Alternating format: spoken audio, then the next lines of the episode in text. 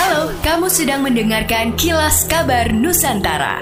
Podcast persembahan KG Radio Network menyajikan berita harian yang mengangkat keunikan dari berbagai wilayah Indonesia.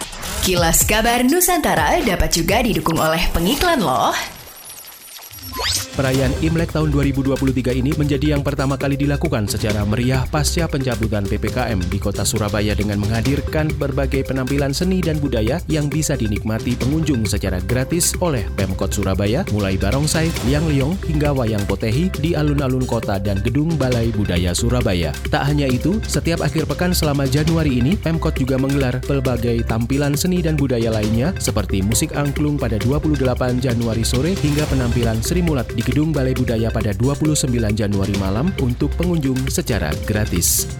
Pemerintah Provinsi Sulawesi Selatan berkomitmen meningkatkan tata kelola pemerintahan yang baik, termasuk dalam hal pencegahan korupsi. Pada 2022, nilai Monitoring Center of Prevention atau MCP Pemprov Sulsel tercatat naik signifikan selama tiga tahun terakhir. Mulai dari 70,64 atau peringkat 29 di tahun 2020, naik 84,93 peringkat 16 di tahun 2021, dan 93,63 peringkat 11 di tahun 2022. Bahkan nilai MCP Pemprov Sulsel tersebut sudah di atas rata-rata nasional. Gubernur Sulawesi Selatan Andi Sudirman Sulaiman mengatakan pencapaian ini berkat sinergitas semua stakeholder, terkhusus pengawasan internal melalui inspektorat daerah yang bekerja maksimal.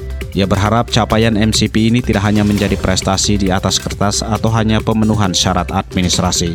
Lebih jauh ia menginginkan substansi dari capaian ini tercermin dalam tata kelola pemerintahan yang bersih dan bebas dari tindak korupsi.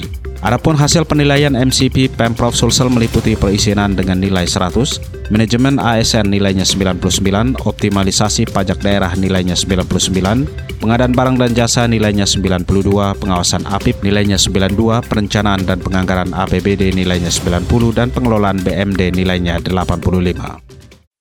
Demikianlah kilas kabar Nusantara pagi ini.